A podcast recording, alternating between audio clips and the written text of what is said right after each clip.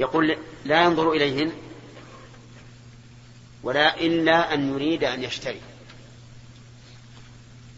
وبشرط أيضا أن يأمن الفتنة. فإذا كان يريد أن يشتري الجارية وأمن الفتنة فلا بأس أن ينظر نعم.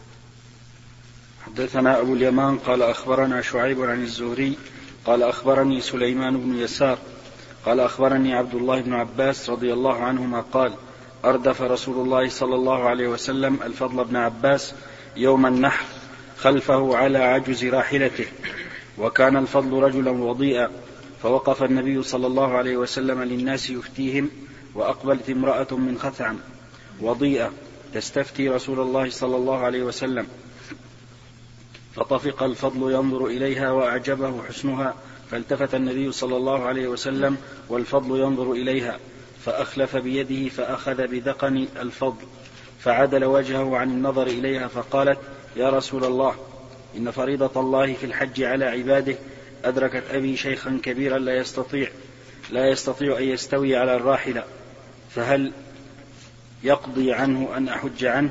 قال نعم. هذا الحديث في حجة الوداع في آخر حياة النبي صلى الله عليه وسلم لأن حجة الوداع كانت في السنة العاشرة. وكان عليه الصلاة والسلام قد أردف أسامة بن زيد خلفه في دفعه من عرفة إلى مزدلفة وأردف الفضل بن عباس خلفه في دفعه من مزدلفة إلى منى. وجاءت هذه المرأة تسأل النبي صلى الله عليه وسلم وكانت وضيئة وكان الفضل وضيئا أيضا. فجعل الفضل ينظر إليها وتنظر إليه لأنه أعجبه حسنها. فلما رآه النبي عليه الصلاة والسلام يفعل ذلك صرف وجهه. قال أهل العلم وفي هذا دليل على أنه لا يجوز للرجل أن ينظر إلى المرأة لا سيما إذا كان نظره نظر تمتع وشهوة. قد تكون الشهوة في هذا الموضع بعيدة من الفضل بن عباس فإنه كان رديف النبي صلى الله عليه وسلم وكان محرما لكن قد يتمتع الإنسان بالنظر إلى المرأة الجميلة بدون أن تثور شهوته لكن يعجبه أن ينظر إليها. ونظر الفضل من هذا النوع. ومع هذا لم لم يقره النبي صلى الله عليه وسلم على ذلك. بل صرف وجهه. قال النووي رحمه الله وفي هذا دليل على تحريم نظر الرجل إلى المرأة وأقره على ذلك الحافظ بن حجر في الفتح. وهو كذلك. كأن قال قائل في هذا الحديث إشكال. وهي أن المرأة كانت قد كشفت وجهها والناس حولها. فالجواب على هذا أن يقال إن المشروع في حق النساء كشف وجوههن في الإحرام. كشف الوجوه. وهذه المرأة كشفت وجهها ولعلها لم يبلغها وجوب الستر إذا كان حولها رجال. فلهذا بقيت كاشفة وجهها. وهذا الجواب كما سمعتم فيه شيء من الضعف لأنه يقال إذا كانت جاهلة فإن, فإن الرسول عليه الصلاة والسلام سوف يخبرها ويقول غطي وجهك ولم يقل ذلك رسول الله صلى الله عليه وسلم. وحينئذ يكون الجواب الأول ضعيفا. فالجواب على هذا أن نعلم أن من هدي النبي صلى الله عليه وسلم أنه كان لا يباغت الرجل بالإنكار أو المرأة وإنما يعلمهم رويدا رويدا. فلعل النبي صلى الله عليه وسلم أعلمها بعد ذلك وأوجب عليها أو أمرها أن تستر وجهها ولهذا قالت عائشة رضي الله عنها تصف حال, حال النساء في الإحرام أنه إذا مر الركبان منهم من حولهم سدلت حماره وإذا فارقوهم وإذا فارقوهن كشفت كشفت الخمار وعلى كل حال يعني أعلى ما يقال في هذا الحديث أنه من المشكلات المشتبهات. لأن الإنسان قد يعجز عن الإجابة عليه إجابة أو الإجابة عنه إجابة مقنعة. والمعروف بل والواجب على أهل العلم أن يردوا المتشابه إلى المحكم. وإذا رددنا المتشابه إلى المحكم فالنصوص من كتاب الله وسنة رسوله صلى الله عليه وسلم كلها تدل على أن المرأة لا يحل لها أن تبدي وجهها. فيجب أن نرد هذا المتشابه وأمثاله إلى المحكم. ثم على فرض أننا لم نصل إلى نهاية في هذا الأمر. أي لم نصل إلى اطمئنان في وجوب كشف الوجه آه، تغطية الوجه فإننا نجعله من قسم المباح ومن المعلوم أن المباح إذا كان ذريعة إلى المحرم صار حراما وذريعة كشف الوجه إلى كشف ما هو. ما وراءه في وقتنا الحاضر قريبة جدا. وإذا أردت أن تعرف هذا الأمر فانظر إلى البلاد التي سمحت لنفسها أن تأذن للنساء بكشف الوجوه. هل اقتصرت النساء على كشف الوجوه؟ الجواب لا ما اقتصرت. بل أخرجت الوجوه والرؤوس والرقاب والنحور وما شاء الله. ومعلوم أن الشريعة الإسلامية سدت الذرائع. قال الله تعالى ولا تقربوا الزنا ولا شك أن كشف المرأة وجهها ولا سيما إن كانت جميلة شابة من أقوى ما يدعو إلى إلى الزنا. فلذلك لا نشك في أن المرأة يجب عليها أن تستر وجهها وأن تحمل النصوص التي فيها اشتباه على النصوص المحكمة. وما وماذا يضر المرأة إذا كشفت إذا سترت الوجه؟ هو لا يضرها في الواقع. وباتفاق المسلمين أن ذلك أولى لها. فإذا كان هذا أولى لها وكشفه على خطر وذريعة, وذريعة للبلاء والفتنة كان كل عاقل لا يختار إلا ستر الوجه. فإن قال قائل الظاهر من نساء الصحابة أنهن ينتقبن بدليل قوله صلى الله عليه وسلم حين تكلم عما يلبس المحرم من الثياب قال ولا تنتقب المرأة. وهذا يدل على أن النقاب كان معروفا عندهم. فهل تأذنون للنساء بالانتقاب؟ قلنا لو نعلم أن النقاب سيقتصر على الحاجة أو ستقتصر النساء فيه على الحاجة لأذنا لهن بذلك. ولكن نعلم وبدليل من الواقع أن النساء لن يقتصرن على على قدر الحاجة في في النقاب في اليوم هذا تفتح نقابا يبدو منه سواد العين فقط. في اليوم الثاني يبدو مع السواد البياض. في اليوم الثالث الأجفان في اليوم الرابع الحواجب في اليوم الخامس الوجنة في اليوم السادس نصف الخد. ما تنتهي عشرة أيام إلا والوجه سافر.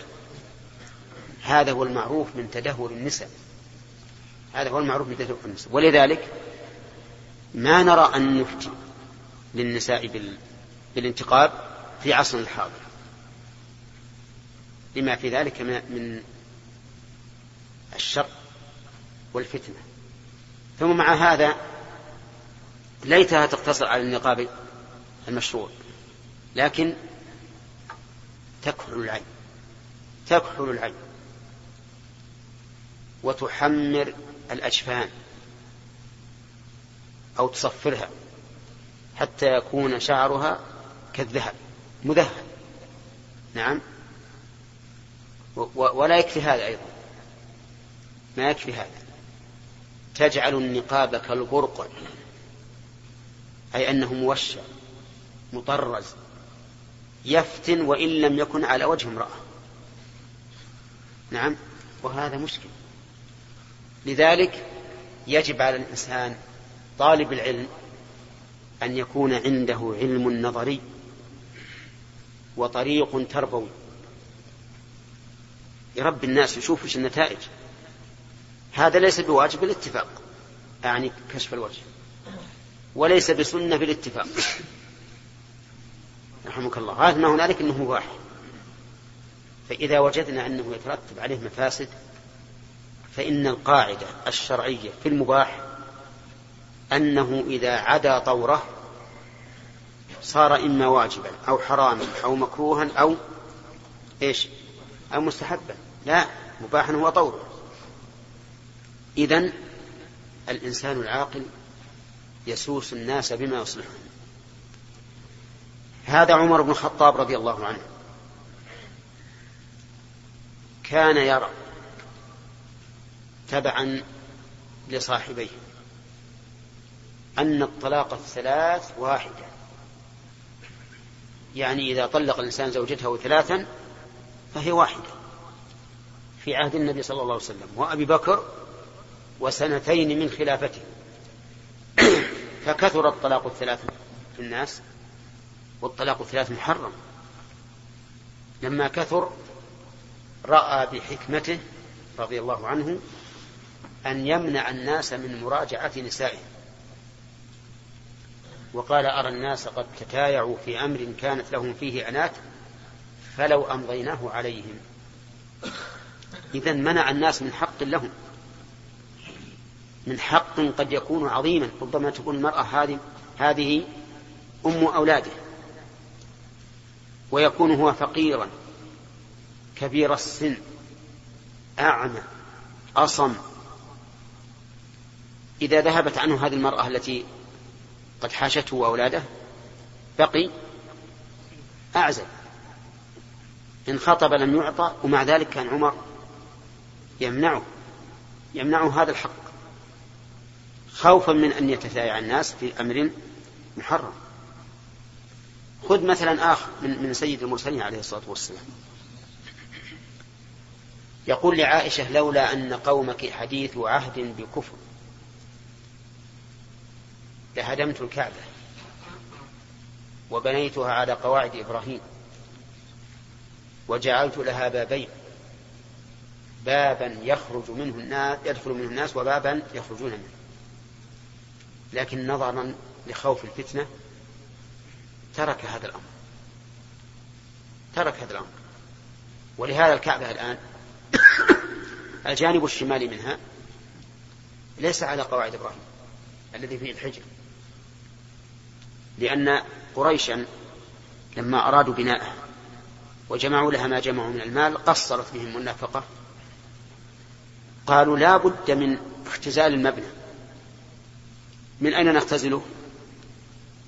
قال اختزاله من عند الحجر ما يمكن. ليش؟ لأن فيها الحجر. ما يريدون أن يغيروا عن مكانه. من الغرب ما يمكن.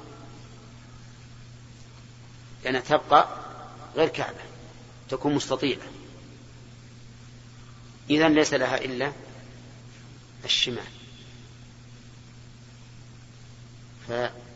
فقطعوها من جهة الشمال ووضعوا هذا الجدار المحجر ولهذا يسمى الحجر. والعامة يقولون هذا حجر إسماعيل. إسماعيل وش عنده؟ قال هذا إسماعيل مدفون فيه. سبحان الله. إسماعيل مدفون في الحجر. الحجر ما يعرفه إسماعيل ولا ولا ولا أدرك. نعم. لكنه سمى حجرا لأنه حجر على على باقي الكعبة مساحة الأرض. و و ولكن أكثر العلماء يقولون إن الذي من, من الكعبة ستة أذرع ونصف تقريبا. وهو كل المحوط؟ ستة أذرع ونصف تقريبا يعني منتهى والله أعلم من حين يبدأ التقويس المهم الشاهد من هذا الحديث أن الرسول صلى الله عليه وسلم ترك ما يحب خوفا من من الفتنة فهذه المسائل يا إخواني وأنتم الحمد لله طلبة. يجب أن تلاحظ ما يصلح الناس. فإن العلم ليس نظريا فقط العلم نظري وتربوي. والشريعة الإسلامية ما ما صارت إلا من أجل إصلاح الناس وتقويمهم. قال النبي عليه الصلاة والسلام إنما بعثت لأتمم مكارم الأخلاق. ما ظنكم لو جاءت امرأة جميلة كاشفة وجهها لوجدت هؤلاء السراد كأنهم نحل خلف الياسوف يتبعونه. هذا أمر مشاهد. نسمع عن هذا كثيرا.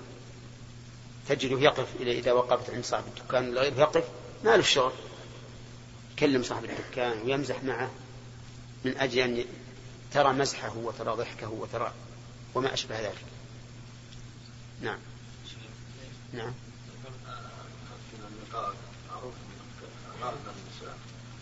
ما يخالف ما في بأس. لكن النقاب اللي في عهد الصحابة ما كان يتوافر بالشيء. تبدو العين. طيب هذا لا بأس. لأن ما لأن لأن المهم المهم بس أن لا يبدو شيء منه. من وجهه نعم.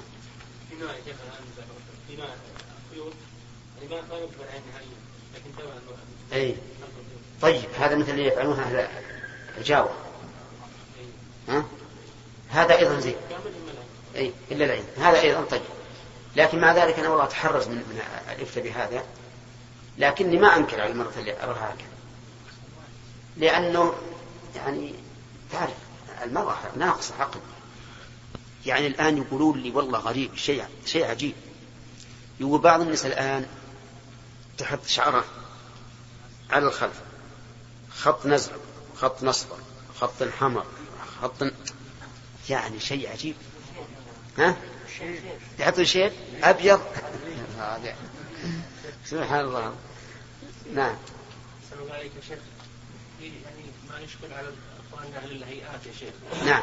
في الاسواق يعني يعني بعض النساء يعني إيش القدر يا شيخ اللي ممكن مثلا لأنه يقول إذا اعطيتهم قطايف يعني ما نظرت اليهم تسخر بي وتمشي وأنا وأنا لا لا أنت لا تقول ولا يعني أنت تقدر تقول كذا وكأنك تنظر الأرض.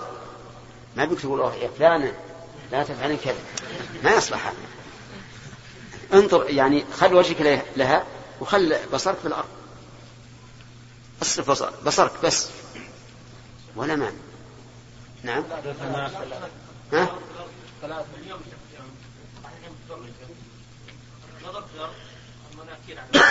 نعم. زين. ما يخالف نظر المناكير ولا نظر الوجه. لكن لا لا يهمك المناكير. المناكير على اسمه المناكير جمع منكور. كما ساحبت مسحوق هنا. إيش؟ إيش؟ شاف المناكير في في اظفره في رجوله ينفع لا لا ما. لا لا. لا ما يمسح. لا ما يمسح. ينصح. ينصح. إيش؟ الوضوء ما يمسك الوضوء كيف؟ الوضوء يعني ما يمسك الوضوء إي نعم. ولهذا تنهى المرأة أن تستعمل هذا ما دامت تصلي. لأنه يمنع وصول الماء. إي نعم. حدثنا عبد الله بن محمد نعم.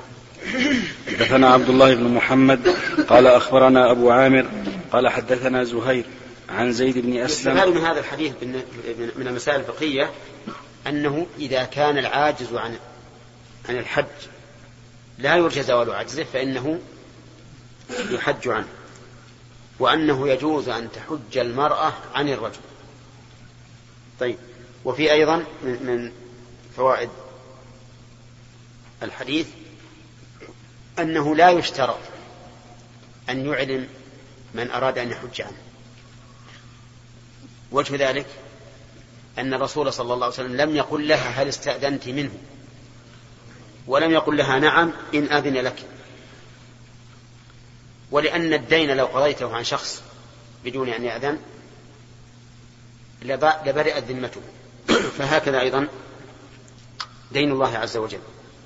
ومن فوائده أن أنه لا يشترط في وجوب الحج القدرة البدنية.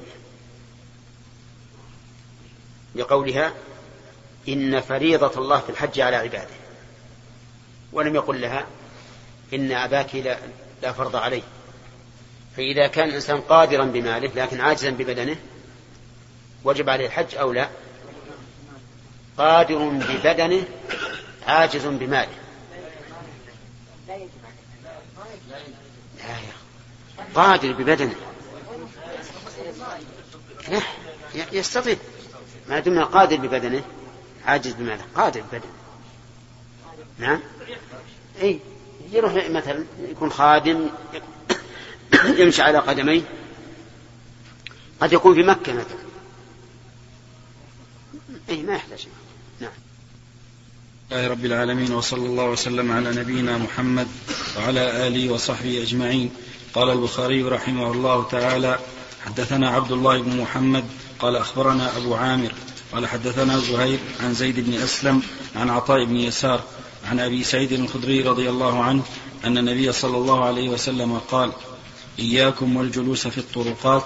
فقالوا يا رسول الله ما لنا من مجالسنا بد. نتحدث فيها فقال إذا أبيتم إلا المجلس فأعطوا الطريق حقه. قالوا وما حق الطريق يا رسول الله؟ قال غض البصر وكف الأذى ورد السلام والأمر بالمعروف والنهي عن المنكر. بسم الله الرحمن الرحيم. هذا الحديث فيه أن الرسول صلى الله عليه وسلم حذر من الجلوس في الطرقات لما فيها من إحراج المارة والكشف عن أحوالهم والكلام عقب ذهابهم فيترتب عليها أشياء غير مرضية. ولكن الصحابة رضي الله عنهم بينوا أنه لا بد لهم من المجالس. فقال إن بيت فأعطوا الطريق حقه. فقالوا وما حق الطريق إلى آخره. وفي هذا دليل على أن المجمل لا يجب امتثاله حتى يبين. وأن المجمل في النصوص لا بد أن يبين بأي وسيلة ولو بأن يسأل الصحابة رضي الله عنهم عن هذا المجمل. فقال غض البصر وكف الأذى ورد السلام والأمر بالمعروف والنهي عن المنكر. خمسة. غض البصر حتى عن الشيء المباح. لو جاء شخص حامل معه باقة من الزهور أو ملقحا من الفواكه أو شيء فغض بصرك عنه لأن ذلك يؤذيه. والثاني كف الأذى القولي والفعلي الأذى القولي مثل إذا أقبل الرجل مع الطريق قال ها شوفوا اللي معه وش اللي معه وش هذا؟ والأذى الفعلي أن يمد أن يمدوا أرجلهم في الطريق حتى يضيقوا الطريق. والثالث رد السلام على من سلم. وسبق لنا أنه لا بد في رد السلام أن تقول عليكم السلام كما حييت به. الأمر بالمعروف وهو كل ما أمر به الشرع. والنهي عن المنكر وهو كل ما نهى عنه. نعم. نعم.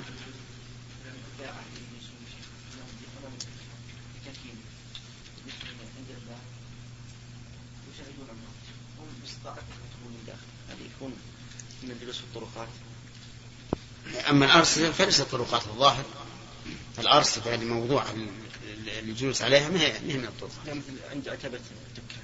إيه؟ نعم هذا مثل. نقول إذا كان يضيق الطريق فلا يجوز أن يبقى فيه. نعم.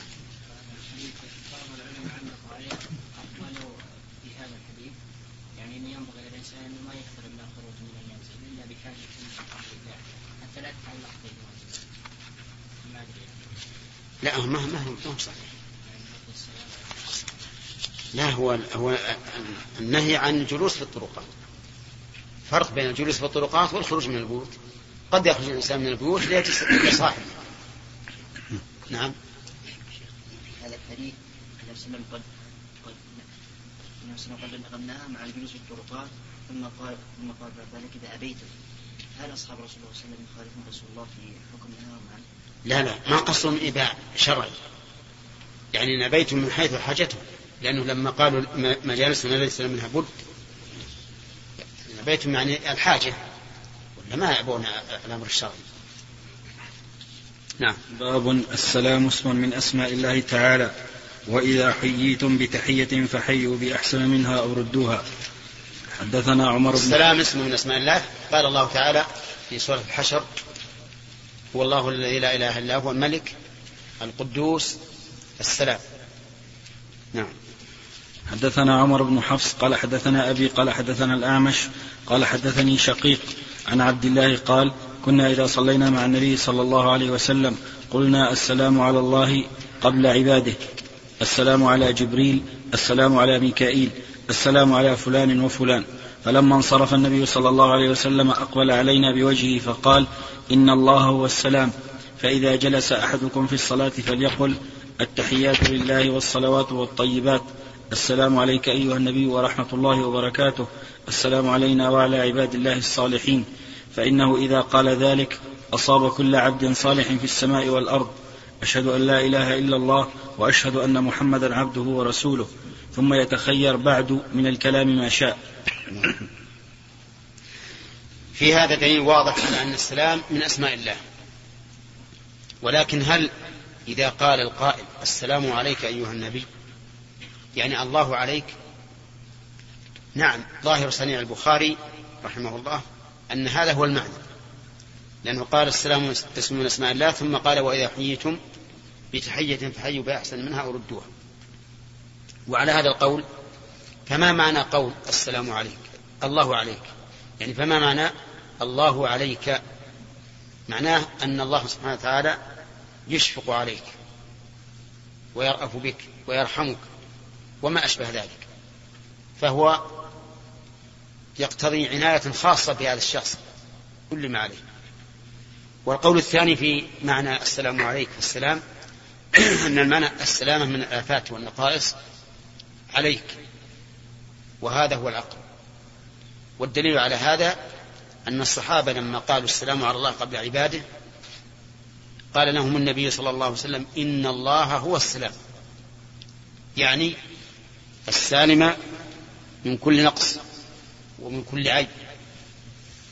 فدل ذلك على أن قول القائل السلام عليك والسلام علينا يعني السلامة من كل نقص. وفي هذا دليل على أن الاسم الذي يوهم نقصا لا يمكن أن يكون في أسماء الله. لأنك إذا قلت السلام على الله أوهم ذلك أنه يمكن أن يتصور فيه النقص. فتدعو الله بالسلامة له من ذلك. وهو سبحانه وتعالى لا تكون أسماؤه إلا حسنى ومن ثم نقول إنما يضاف إلى الله من هذا اسم وخبر والخبر منه ما يجوز ومنه ما لا يجوز. فالاسم كله خير كله حسن. ولا يوجد اسم من أسماء الله ليس ليس مشتملا على معنى أحسن مو حسن فقط أحسن المعاني لقول الله تعالى ولله الأسماء الحسنى ومن ثم لا يصح أن يسمى بالدهر لأن الدهر لا يحمل معنى حسنا ولا أحسن. في الدهر زمن وقت. والثاني خبر والخبر منه ما يجوز الإخبار به عن الله ومنه ما لا يجوز. فإذا كان صفة كمال لكن قد يكون متعلقه نقصا. إذا كان صفة كمال لكن قد يكون متعلقه نقصا صح أن يخبر به عن الله. لكن لا يسمى به. لماذا؟ لأن متعلقه قد يكون نقصا. وإذا كان متعلقه قد يكون نقصا لم يكن مشتملا على المعنى الأحسن. والثاني من الخبر ما يحمل معنى ناقصا فهذا لا يخبر به عن الله. ما يحمل معنى ناقصا هذا لا يخبر به عن الله مطلقا. مثال الأول الخبر الذي قد يكون متعلقه نقصا المتكلم. المريد. يجوز الإخبار بهما عن الله ولا يجوز تسميته بهما. لماذا؟ لأن موضوع المتكلم الكلام قد يكون نقصا وموضوع الإرادة قد يكون نقصا كذلك. لكن المتكلم من حيث الكلام ومن حيث الإرادة لا شك أنها صفة كمال. فإن من لا يتكلم أكمل ممن؟ فإن من يتكلم أكمل ممن لا يتكلم. ومن له إرادة واختيار أكمل ممن ليس له إرادة ولا اختيار. هذا لا أشكال فيه. فيجوز الإخبار به عنه لكن لا يسمى به. والثالث ما, يتضم ما يحمل معنى ناقصا فهذا لا لا يوصف الله به إطلاقا. مثل الأعمى الأصم الناقص العاجز هذا لا يمكن أن يخبر به عن الله أبدا لماذا؟ لأنه لا يحمل إلا معنى الناقص كله نقص. فلا يجوز الخبر به عن الله سبحانه وتعالى. السلام إذا قلنا السلام على الله فإن الدعوة له بالسلام تتضمن أن النقص عليه جائز. أليس كذلك؟ ولهذا نهى النبي صلى الله عليه وسلم عن الدعاء بالسلام على الله وقال إن الله هو السلام سبحانه وتعالى. السالم من كل نقص وعيب. فالسلام صفة لازمة له.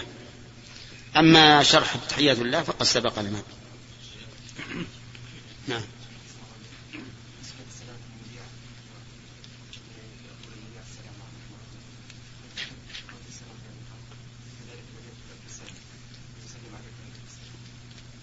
نعم. وش يقولون في هذا؟ المذياع يقول السلام عليكم أيها المستمعون ورحمة الله وبركاته. ها؟ ها؟ إيه المستمعات يردن. وحنا نرد أيضا. نرد لأنه قد قصدنا. ولكن إن شئنا قلنا عليه السلام أو عليك. لكن هو الآن يتصور نفسه أنه يخاطبنا. السلام عليكم أيها المستمعون. فنقول عليكم السلام. نعم شيبة. شيخ البخاري ترجم الباب قوله تعالى وإذا وإذا حييتم بتحية فحيوا حييتم. حييتم بتحية فحيوا بأحسن. وقال النبي صلى الله عليه وسلم إن الله هو السلام. فكيف جمع هنا بالتحيات؟ وهنا قالوا وصف بالتحية. يعني قال السلام عليك أيها النبي. أين؟ البخاري يرى أن أن أن السلام عليك أيها النبي في التحية. يعني الله عليك. يرى القول الثاني. ظاهر الصحيح أنه يرى القول الثاني. نعم. ألا يؤيد الحديث الشيخ السابق لما قال إن آه، إن الأمر إذا أتى يعني في الآداب يكون إن النهي إذا أتى في الآداب يكون للكراهة ولا يكون للتحريم. أيهن؟ إياكم. إياكم وجوه الطرقات هذا النهي بس الرسول عليه الصلاة والسلام حذر ثم هو نفسه قال إن كان يعني أن هذا إن أبيتم فأعطوا حقه ما هو واضح ما هو واضح. لكن على كل حال ال- القول هذا جيد. يعني أن النهي أو الأمر فيما يتعلق بالآداب على سبيل الاستحباب فقط. لكن قد يكون على الوجوب مثل الأمر بالتسمية على الطعام. والصحيح أنه واجب. النهي عن الأكل بالشمال. صحيح أنه حرام. إنما هو لا شك أنه قريب هذا. يعني القول بأنه إذا وقع في الآداب فإنه يعني يكون للكراهة في النهي والاستحباب في الأمر. طيب جيد. نعم. قليل على الكثير. حدثنا محمد بن مقاتل أبو الحسن قال أخبرنا عبد الله قال أخبرنا معمر عن همام بن منبه عن أبي هريرة عن النبي صلى الله عليه وسلم قال يسلم الصغير على الكبير والمار على القاعد والقليل على الكثير. هذا واقع. والأمر والخبر هنا يسلم بمعنى الأمر. ولكن الصغير هل هو الصغير سنا أو الصغير مرتبة؟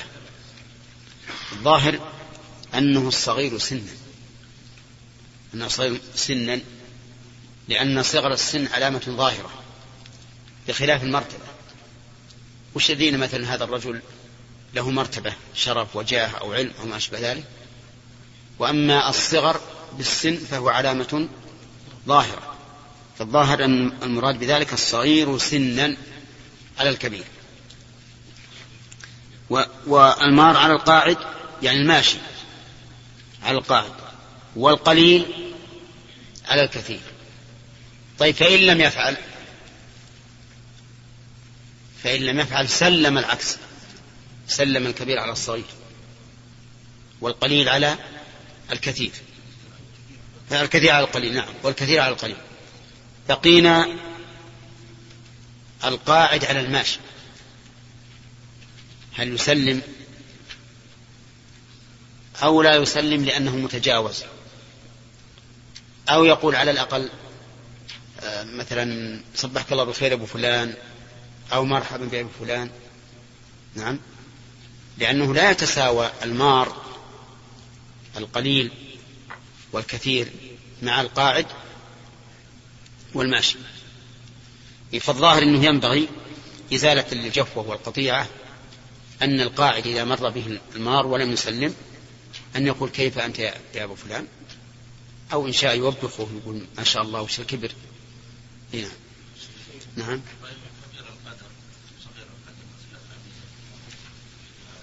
إيه.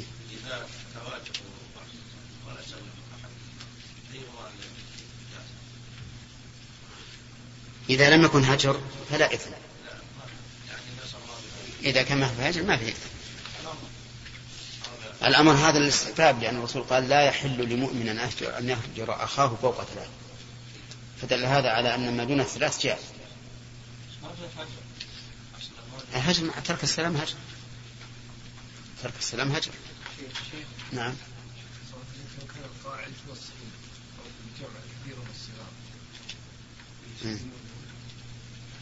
الظاهر إنه أيضا يغلب الأظهر. العدد التميز فيه أكثر من التميز بالسن.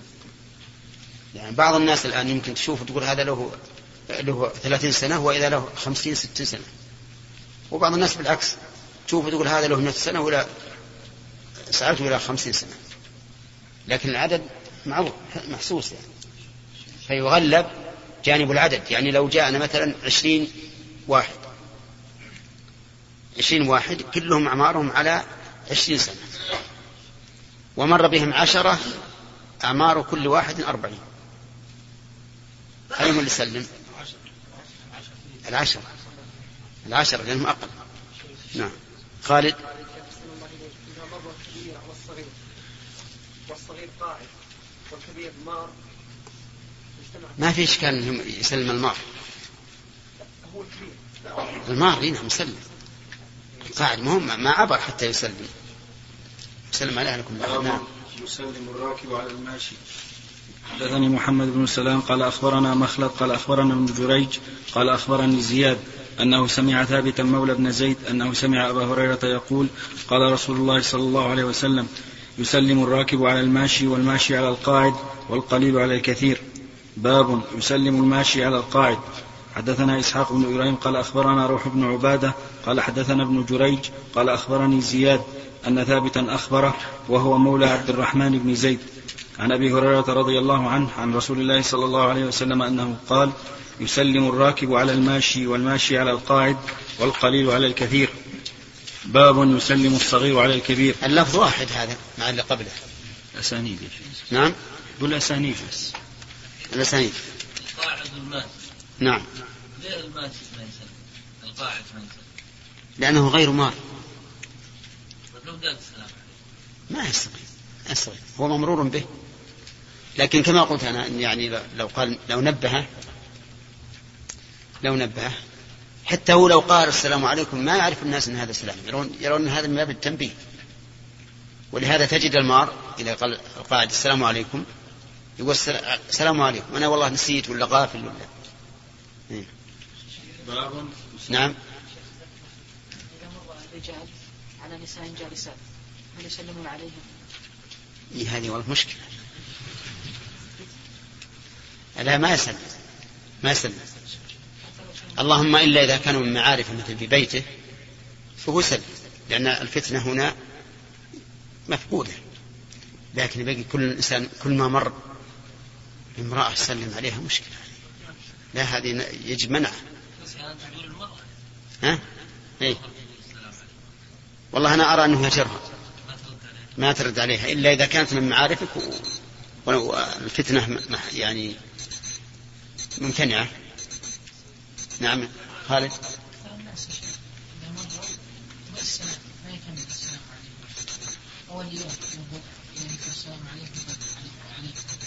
عليكم بس. لما جاءت الرسل إلى إبراهيم قالوا إيش؟ سلاما. قال سلام. ما فيه إلا إلا ركن أحد الركنين الجملة. هنا ما في بأس ما في بأس. يرد يرد. حتى العلماء بعضهم قال إذا قال سلام لم يجب لكن غلط. مو صحيح. قال سلام فإنهم يجيبون. نعم. باب يسلم الصغير على الكبير. وقال إبراهيم بن طهمان عن موسى بن عقبة عن صفوان بن سليم عن عطاء بن يسار عن أبي هريرة قال قال رسول الله صلى الله عليه وسلم يسلم الصغير على الكبير. والمار على القاعد والقليل على الكثير. باب إفشاء السلام. حدثنا قتيبة قال حدثنا جرير عن الشيباني عن أشعث بن أبي الشعثاء عن معاوية بن سويد بن مقرن عن البراء بن عازب رضي الله عنهما قال أمرنا رسول الله صلى الله عليه وسلم بسبع بعيادة المريض واتباع الجنائز وتشميت العاطس ونص الضعيف وعون المظلوم وإفشاء السلام وإبرار المقسم. ونهى عن الشرب في الفضة ونهى عن تختم الذهب وعن ركوب المياثر وعن لبس الحرير وعن لبس الحرير والدباج والقسي والاستبرق. الشاهد من هذا قوله وإفشاء السلام. إفشاؤه يعني إظهاره. وإظهار السلام يكون بوجهين. الوجه الأول أن يكثره. كلما وجد سببه سلم. والوجه الثاني أن يعلنه ويظهره بحيث يسلم بصوت مسموع حي. خلافا لما فعل بعض الناس إذا سلم وإذا هو يسلم بأنفه وعلى وجه متماوت تكاد لا تسمعه. هذا خلاف إفشاء السلام. فإفشاء السلام له معنيان. المعنى الأول الإكثار منه ليظهر ويتبين والثاني أن يكون بصوت مرتفع حي. يعني وليس المراد مرتفع يعني مزعج لكن يعرف أنه سلم عن طيب نفس وعن قوة ونشاط. وهو وهذا شامل للرد والابتداء. شامل للرد والابتداء. يعني فالمبتدي يرفع الصوت والمجيب كذلك. طيب ما تقولون في رجل سلم برفع صوت حي نشيط فرد عليه الآخر بصوت منخفض بأطراف, أنفه. هل يكون هذا الثاني قائما بالواجب؟ لا. لأن الله قال وإذا حييتم بتحية فحيوا بأحسن منها أو ردوها. هذا ما رد لا مثل ولا أحسن. نعم. طيب مصطفى أحيانا نسلم على الناس نقول السلام عليكم ورحمة الله وبركاته ويقول يا هلا حياك الله هل نعم. الواجب أرد عليه فعلا أنصحه؟ أو إيه لا أنصح. ولو غضب؟ ولا غضب. لأن هذا مصلحة له. لأن كثير صحيح من العامة معتد هذا. ها؟ نعم. لا إن شاء الله طلاب العلم ما يصير. نعم. شيخ احسن الله أحسن الله إليك. بالنسبة يكون واحد جالس ويجي واحد ما سلم. فيقول له وعليكم السلام. السؤال يقول أما يقول أذكره أو يكون من باب التوبيخ. نعم. له إما أن يقول السلام عليكم ولا يقول. ولا ينبه التنبيه عادي. أحسن.